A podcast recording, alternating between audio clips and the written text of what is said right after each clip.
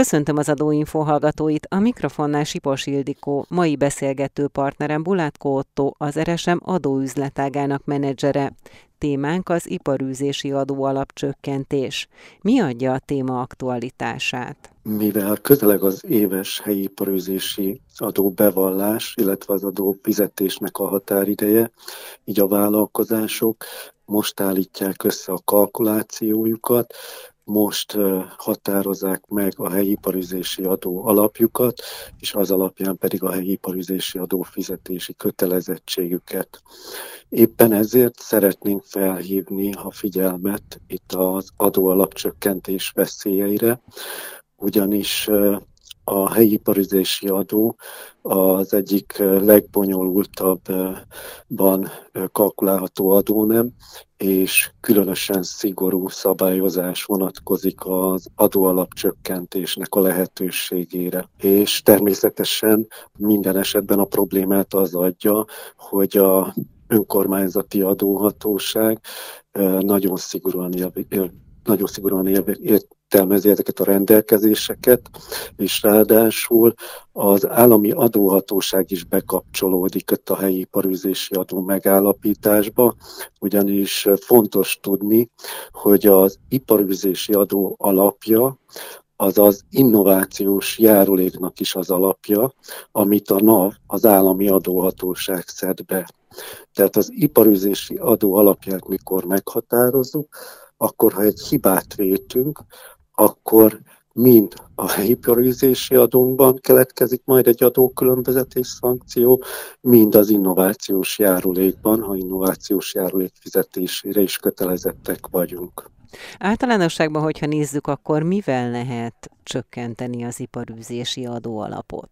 Maga az adóalap az a vállalkozási tevékenységünkből befolyó nettó árbevétel, ami csökkenthető az alvállalkozói teljesítések értékével, ez nem más, mint lényegében azok a szállítóval kötött szerződések, amelyek a polgári törvénykönyv szerint vállalkozási szerződésnek minősülnek. Itt ezt nagyon szigorúan kell értelmezni, ezt a rendelkezést, amit elmondtam, de erre majd később kitérünk.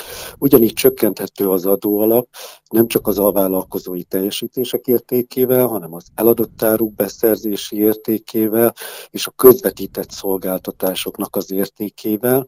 Ez a közvetített szolgáltatások értéke az alvállalkozói teljesítés mellett a másik eh, nagyon nehezen értelmezhető adóalapcsökkentő tétel, ugyanis itt a változatlan formában tovább értékesített szolgáltatások azok, amelyek így adóalapcsökkentésként szóba jöhetnek, tehát a mi saját szolgáltatás nyújtásunktól elkülöníthető szolgáltatások. Nagyon fontos, tehát az alvállalkozói teljesítés és közvetített szolgáltatás mindig problémás tétel az adóalapcsökkentésnél, és ezen túl mondjuk az eladott állók beszerzési érték, amit említettem, vagy az anyagköltség, az alapkutatás, alkalmazott kutatás, kísérleti fejlesztéseknek a költségének az elszámolása talán kevésbé olyan nehéz. De Mi? ezek az adóalapcsökkentő tételek. Mi az, ami segíthet a cégeknek eligazodni a nehezebben értelmezhető adóalapcsökkentő tételek esetében? Pont itt van a probléma, hogy azért, mert nagyon sok önkormányzat, nagyon sok dolgozója értelmezi a jogszabályt, ráadásul nincs egy egységes iránymutatás a jogszabályi rendelkezésekre nézve. Itt sem a önkormányzati állásfoglalásokból, sem egy NAV állásfoglalásból nem tudunk kiindulni, sok esetben sajnos el kell menni a bíróságig, és maguk a bírósági döntések, a bírósági ítéletek lesznek azok, amik segítenek nekünk majd abban, hogy hogyan értelmezhetünk egy konkrét vállalkozási szerződést, hogy az adóalapcsökkentő tétel vagy sem a helyi iparűzési adó meghatározása során. Vannak tipikus tevékenységek is, amelyek az alvállalkozói teljesítményhez köthetőek? Vannak, tehát itt minden esetben, tehát a jogszabálynak az értelmezését nézzük, a vállalkozói teljesítésként minden esetben a PTK szerinti vállalkozási szerződéseket kell figyelembe venni, és így abban az esetben, ha egy tervezési, egy kivitelezési, nagyisten egy kutatási szerződést kötünk, ebben az esetben nagyon könnyű megítélni azt, hogy ez alvállalkozói teljesítésként figyelembe vehető-e vagy sem. Más esetben ha nem külön nevesített szerződésről, PTK-ban nevesített szerződésről van szó, akkor itt minden esetben a magátnak a szerződésnek a tartalmi vizsgálata szükséges ahhoz, hogy megalapozottan tudjunk döntést hozni itt az adóalapcsökkentés kérdéskörében. Melyik az a tevékenység, amelyet az önkormányzati adóhatóságok gyakorlata eltérően értelmez, hogyha azt vizsgálja, hogy az csökkentheti-e az iparűzési adóalapot? Van-e tipikusan olyan tevékenység, amelynél ez fölmerül?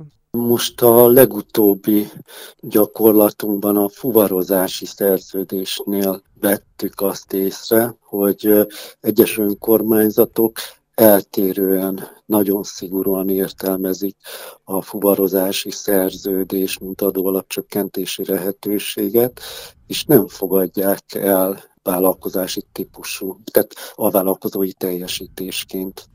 Amivel találkoztunk döntést, indoklást, illetve sajnos találkoztunk ilyen állásfoglalással is, az azt tartalmazza, hogy a jogszabályt, ha szó szerint értelmezem, abban az van, hogy vállalkozási a vállalkozói teljesítés vállalkozási szerződés keretében lehet adóalapot csökkenteni, és a fuvarozási szerződés a PTK-ban nem mint vállalkozási szerződés, hanem mint vállalkozási típusú szerződésként van nevesítve. És ezért azt mondják, hogy itt maga a szerződésnek az elnevezése már arra utal, hogy ez nem egy kimondottan vállalkozási szerződés, holott a római jog is eh, már a fuvarozási szerződés szabályozta, és rendhagyó vállalkozási szerződésként tekintette erre. Ebben az esetben mégis mi az irányadó? Várható -e esetleg az, hogy a polgári törvénykönyvet módosítják? Magát a polgári törvénykönyvet nem fogják módosítani, és ez hiszen korábban is eh, külön, a régi PTK-ban is külön kiemelték a fuvarozási szerződést, részben elkülönítetten szabályozták a vállalkozási szerződéstől, de korábban is, és most is beemelték a vállalkozási szerződésnek az alapszabályait a fuvarozási szerződésben, és pont ez a lényege annak, hogy ha egy szerződést tartalmi elemei alapján elkezdünk elemezni, akkor rájövünk, hogy vállalkozási szerződésben mindig a tevékenység végzésen, magának a vállalkozásnak az eredményén van a hangsúly. Most, amennyiben fuvarozási szerződésről beszélünk, akkor azt látjuk, hogy egy adott áruterméket A-ból B pontban kell elfuvarozni, tehát maga a tevékenység végzésnek az eredménye az lesz, hogy ez az áru, ez a rendeltetési címére kerül. Tehát egyértelműen megállapítható a vállalkozási szerződéses jelleg, és sok önkormányzat el is fogadja ezt. Sajnos vannak olyan önkormányzatok, akik a tartalmi vizsgálatot szerintem jogszabálysértően nem végzik el, hanem maga a szóhasználattal, a PTK-ben egy megfogalmazással beérik, hogy ők ne fogadják el ezt adóalapcsökkentő tételként. Általánosságban a fuvarozási tevékenység jelentős iparűzési adóalapcsökkentő tétel? Igen, igen, igen. Tehát a sok cégnek ez a fő tevékenysége. Abban az esetben, ha egy adott cégnek ez a fő tevékenysége, és alvállalkozókat vesz igénybe magának a fő tevékenységnek a végzéséhez, akkor ez akár az iparüzési adó alapjának a döntő hányadát is kiteheti. Nagyon fontos, és ezt pedig nem említettem, hogy a fuvarozási szerződéstől el kell különítenünk a szállítmányozási szerződést, ugyanis a szállítmányozási szerződések kérdéskörében már van egy bírósági döntés, amire lehet hivatkozni, és az a bírósági döntés kiemeli, hogy a szállítmányozási szerződéseknek a sajátossága pont az, pont azért tér el a fuvarozástól, hogy itt a fuvarozás lebonyolításán túl nagyon sok administratív elem is megjelenik, ilyen fuvar szervezések, maguknak a feltételeknek a biztosítása, a megbízóinak, megbízónak az érdekeinek a védelme, ami a gondossági kötelmek közé sorolható.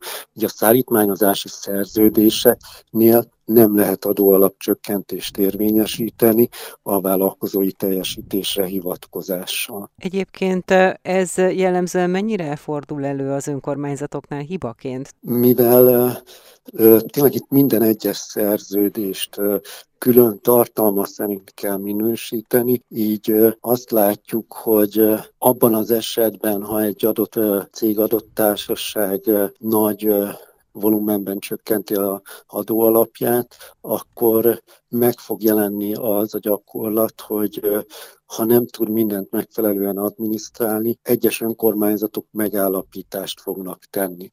És ilyen esetben tényleg az a legjobb megoldás, hogy a, egészen egy bírói fórumig elvisszük ezt a ügyet, és tartalma alapján a bíróság minősítse azt, hogy ez a szerződés mi is.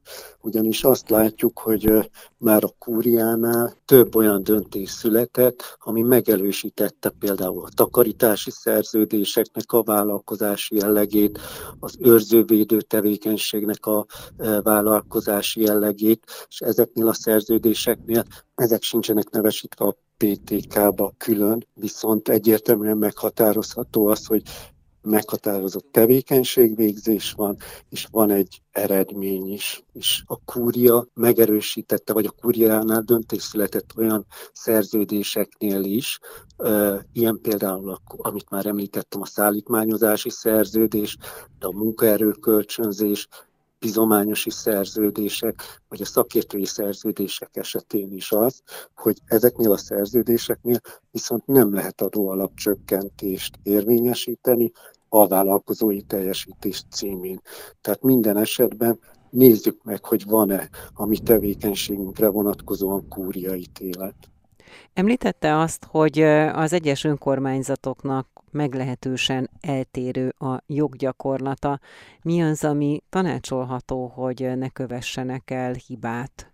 Nézzék meg azt, hogy az adott szituációra, ahogy említette imént, van-e kúriai ítélet? Igen, ez is egy megoldás, de minden esetben, ha van rá lehetőségünk, akkor néhány évente vizsgáljuk felül saját magunk a gyakorlatunkat, az alkalmazott szerződésünket minősítsük újra, és ebbe vonjunk be, ha lehet egy adótanácsadót, vagy megfelelő szakképzettséggel rendelkező szakembert kérdezzünk meg. Ha van arra lehetőség, akkor adjunk be állásfoglalás kérést az önkormányzathoz, ha nem találunk sem bírósági, sem korábbi egységes állásfoglalást az adott ügyre vonatkozóan, illetve járjunk el kockázatkerülő módon, ami azt is jelenti, hogy vizsgáljuk meg azt, hogy esetlegesen az én szerződésem, ha a vállalkozói teljesítés jogcímen nem adóalapcsökkentése nem alkalmas, akkor esetlegesen közvetített szolgáltatások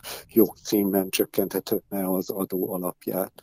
Mit kockáztatnak azok, akik nem jól számolják el a tevékenységet az iparűzési adó alapcsökkentésére. Tehát mondjuk elszámolnak olyan tevékenységet, amelyet nem szabad, a büntetési tétel az jelentős? Ilyen esetben a megállapított kapcsolódó adókülönbözetnek az 50%-a lesz adóbírság, tehát egyrészt számíthatnak arra, hogy meg kell fizetni a helyi iparüzési adókülönbözetet, ami felmerül, másrészt pedig felmerülhet az, hogy ehhez kapcsolódóan még adóbírság kötelezettség is megjelenik. Harmadrészt viszont ki kell emelnem azt, hogy mivel jellemzően egy társaság egy-két tevékenységet végez állandó jelleggel, ez maga után vonja azt is, hogy felül kell vizsgálni nekik az elmúlt éveknek az iparűzési adócsökkentési gyakorlatát.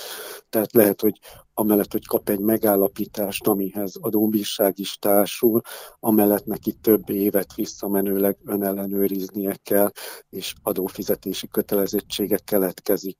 De hogyha valaki körültekintően megvizsgálja a jogszabályi rendelkezéseket, megnézi azt, hogy mik az adóalap csökkentésnek ezek a szigorú feltételei, és tényleg itt nem csak a tartalmi feltételeket, hanem azokat a formai követelményeket, ami a jogszabály, amit a jogszabály előír, tényleg készítsük el ezeket a háttérnyilvántartásokat, és, és, és, és minden kötelezettséget, akkor, akkor viszont úgy lehet akár egy ellenőrzésnek is nekiindulni, hogy, hogy azt sikerrel tudjuk venni. A NAV mennyire, hogy így fogalmazok, megbocsájtó abban a helyzetben, hogyha valaki nem megfelelő jogalappal csökkenti az iparűzési adó alapját, tehát hogyha hibázik. Éppen azért talán, mert hogy ennyire bonyolult az értelmezése egy-egy egy szerződésnek? Igen, nagyon jó a kérdés. Sokan nem tudják azt, hogy egy ellenőrzésben nem csak a adózóknak vannak kötelezettségeik, hanem magának az adóhatóságnak is.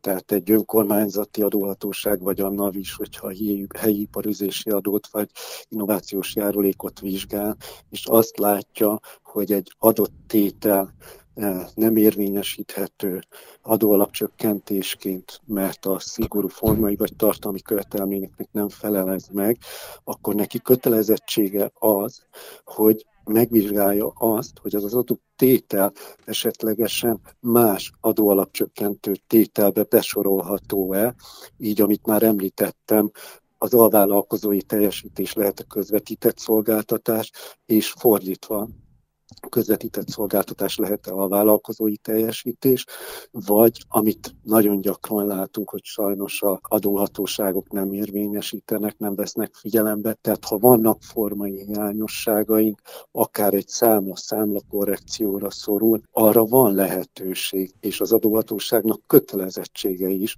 hogy felhívja az adózót, hogy ezt javítsa.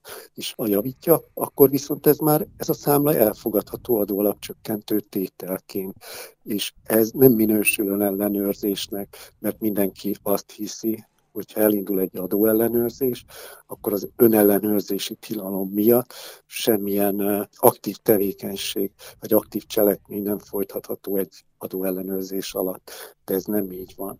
Pont ezért az adóhatóságnak a kötelezettsége azt, hogy a javunkra is tegyen megállapítást, illetve ha valami hiányosság pótolható, akkor arra felhívja a figyelmünket, és mi ezt az ellenőrzésben megtehessük javítani, illetve hiányokat pótolni meddig lehet? Ennél az adónemnél természetesen. Lényegében egységes az adóellenőrzési gyakorlat az önkormányzat és az állami adóhatóságnál is. Az ellenőrzés mikor befejeződik, akkor születik egy jegyzőkönyv. Sok esetben már jó, ha addig elvégezzük azokat a módosításokat, amik szükségesek, de az új szabályozás 2018-tól úgy rendelkezik, hogy az ellenőrzésről készült jegyzőkönyvre van egy 30 napos észrevételezési szakasz. Eddig az időpontig mi bármilyen új tény körülményre hivatkozhatunk, bármilyen bizonyítékot becsatolhatunk az adóhatóságnak. Tehát, amikor megkapjuk az ellenőrzésről készült jegyzőkönyvet, még 30 napon belül tudunk módosításokat csinálni, illetve kérhetünk akár kiegészítő ellenőrzést is. Pontosan azért, mert hogy úgy tűnik, hogy azért elég bonyolult és ingoványos területről van szó. Mennyire jellemzi a cégeket az, hogy inkább óvatosak, és inkább elengednek olyan tételeket, amelyeket csökkenthetnék az iparűzési adóalapjukat, pusztán az óvatosság miatt. Maga az óvatosság egyébként egy körültekintő eljárás feltételez, ugyanis lényegében az elévülési időn belül nekünk van arra lehetőségünk, hogy akár a javunkra szóló önellenőrzést is benyújtsunk. Tehát abban az esetben egy társaság úgy látja, hogy az adóalapcsökkentő tételek nem megalapozottak, akkor lehetősége van arra, hogy nem veszik figyelembe. Ugyanakkor, ha nála egy ellenőrzés indul az elévülési időn belül, tehát még nem is az, hogy ön ellenőrzött, hanem elindul egy ellenőrzés, akkor ő maga kérheti az ellenőrzés során azt az eljáró revizoroktól, hogy vizsgálják meg, hogy egy adott tétel, amit ő egyébként nem érvényesített, az esetlegesen az adóhatóság meglátása szerint adóalapcsökkentő tételnek minősül-e. Több olyan ellenőrzéssel találkoztunk, ahol az önkormányzati adóhatóság saját maga hívta fel a figyelmet arra, hogy ezek a tételek még adóalapcsökkentésként figyelembe vehetők, hogyha átadjuk a nyilvántartásokat, akkor a javunkra szóló megállapítások születni. Önök az Adóinfót, az Inforádió adómagazinját hallották. Mai beszélgető partnerem Bulátko Otto, az RSM adóüzletágának menedzsere volt. Búcsúzik a műsorvezető, Sipos Ildikó.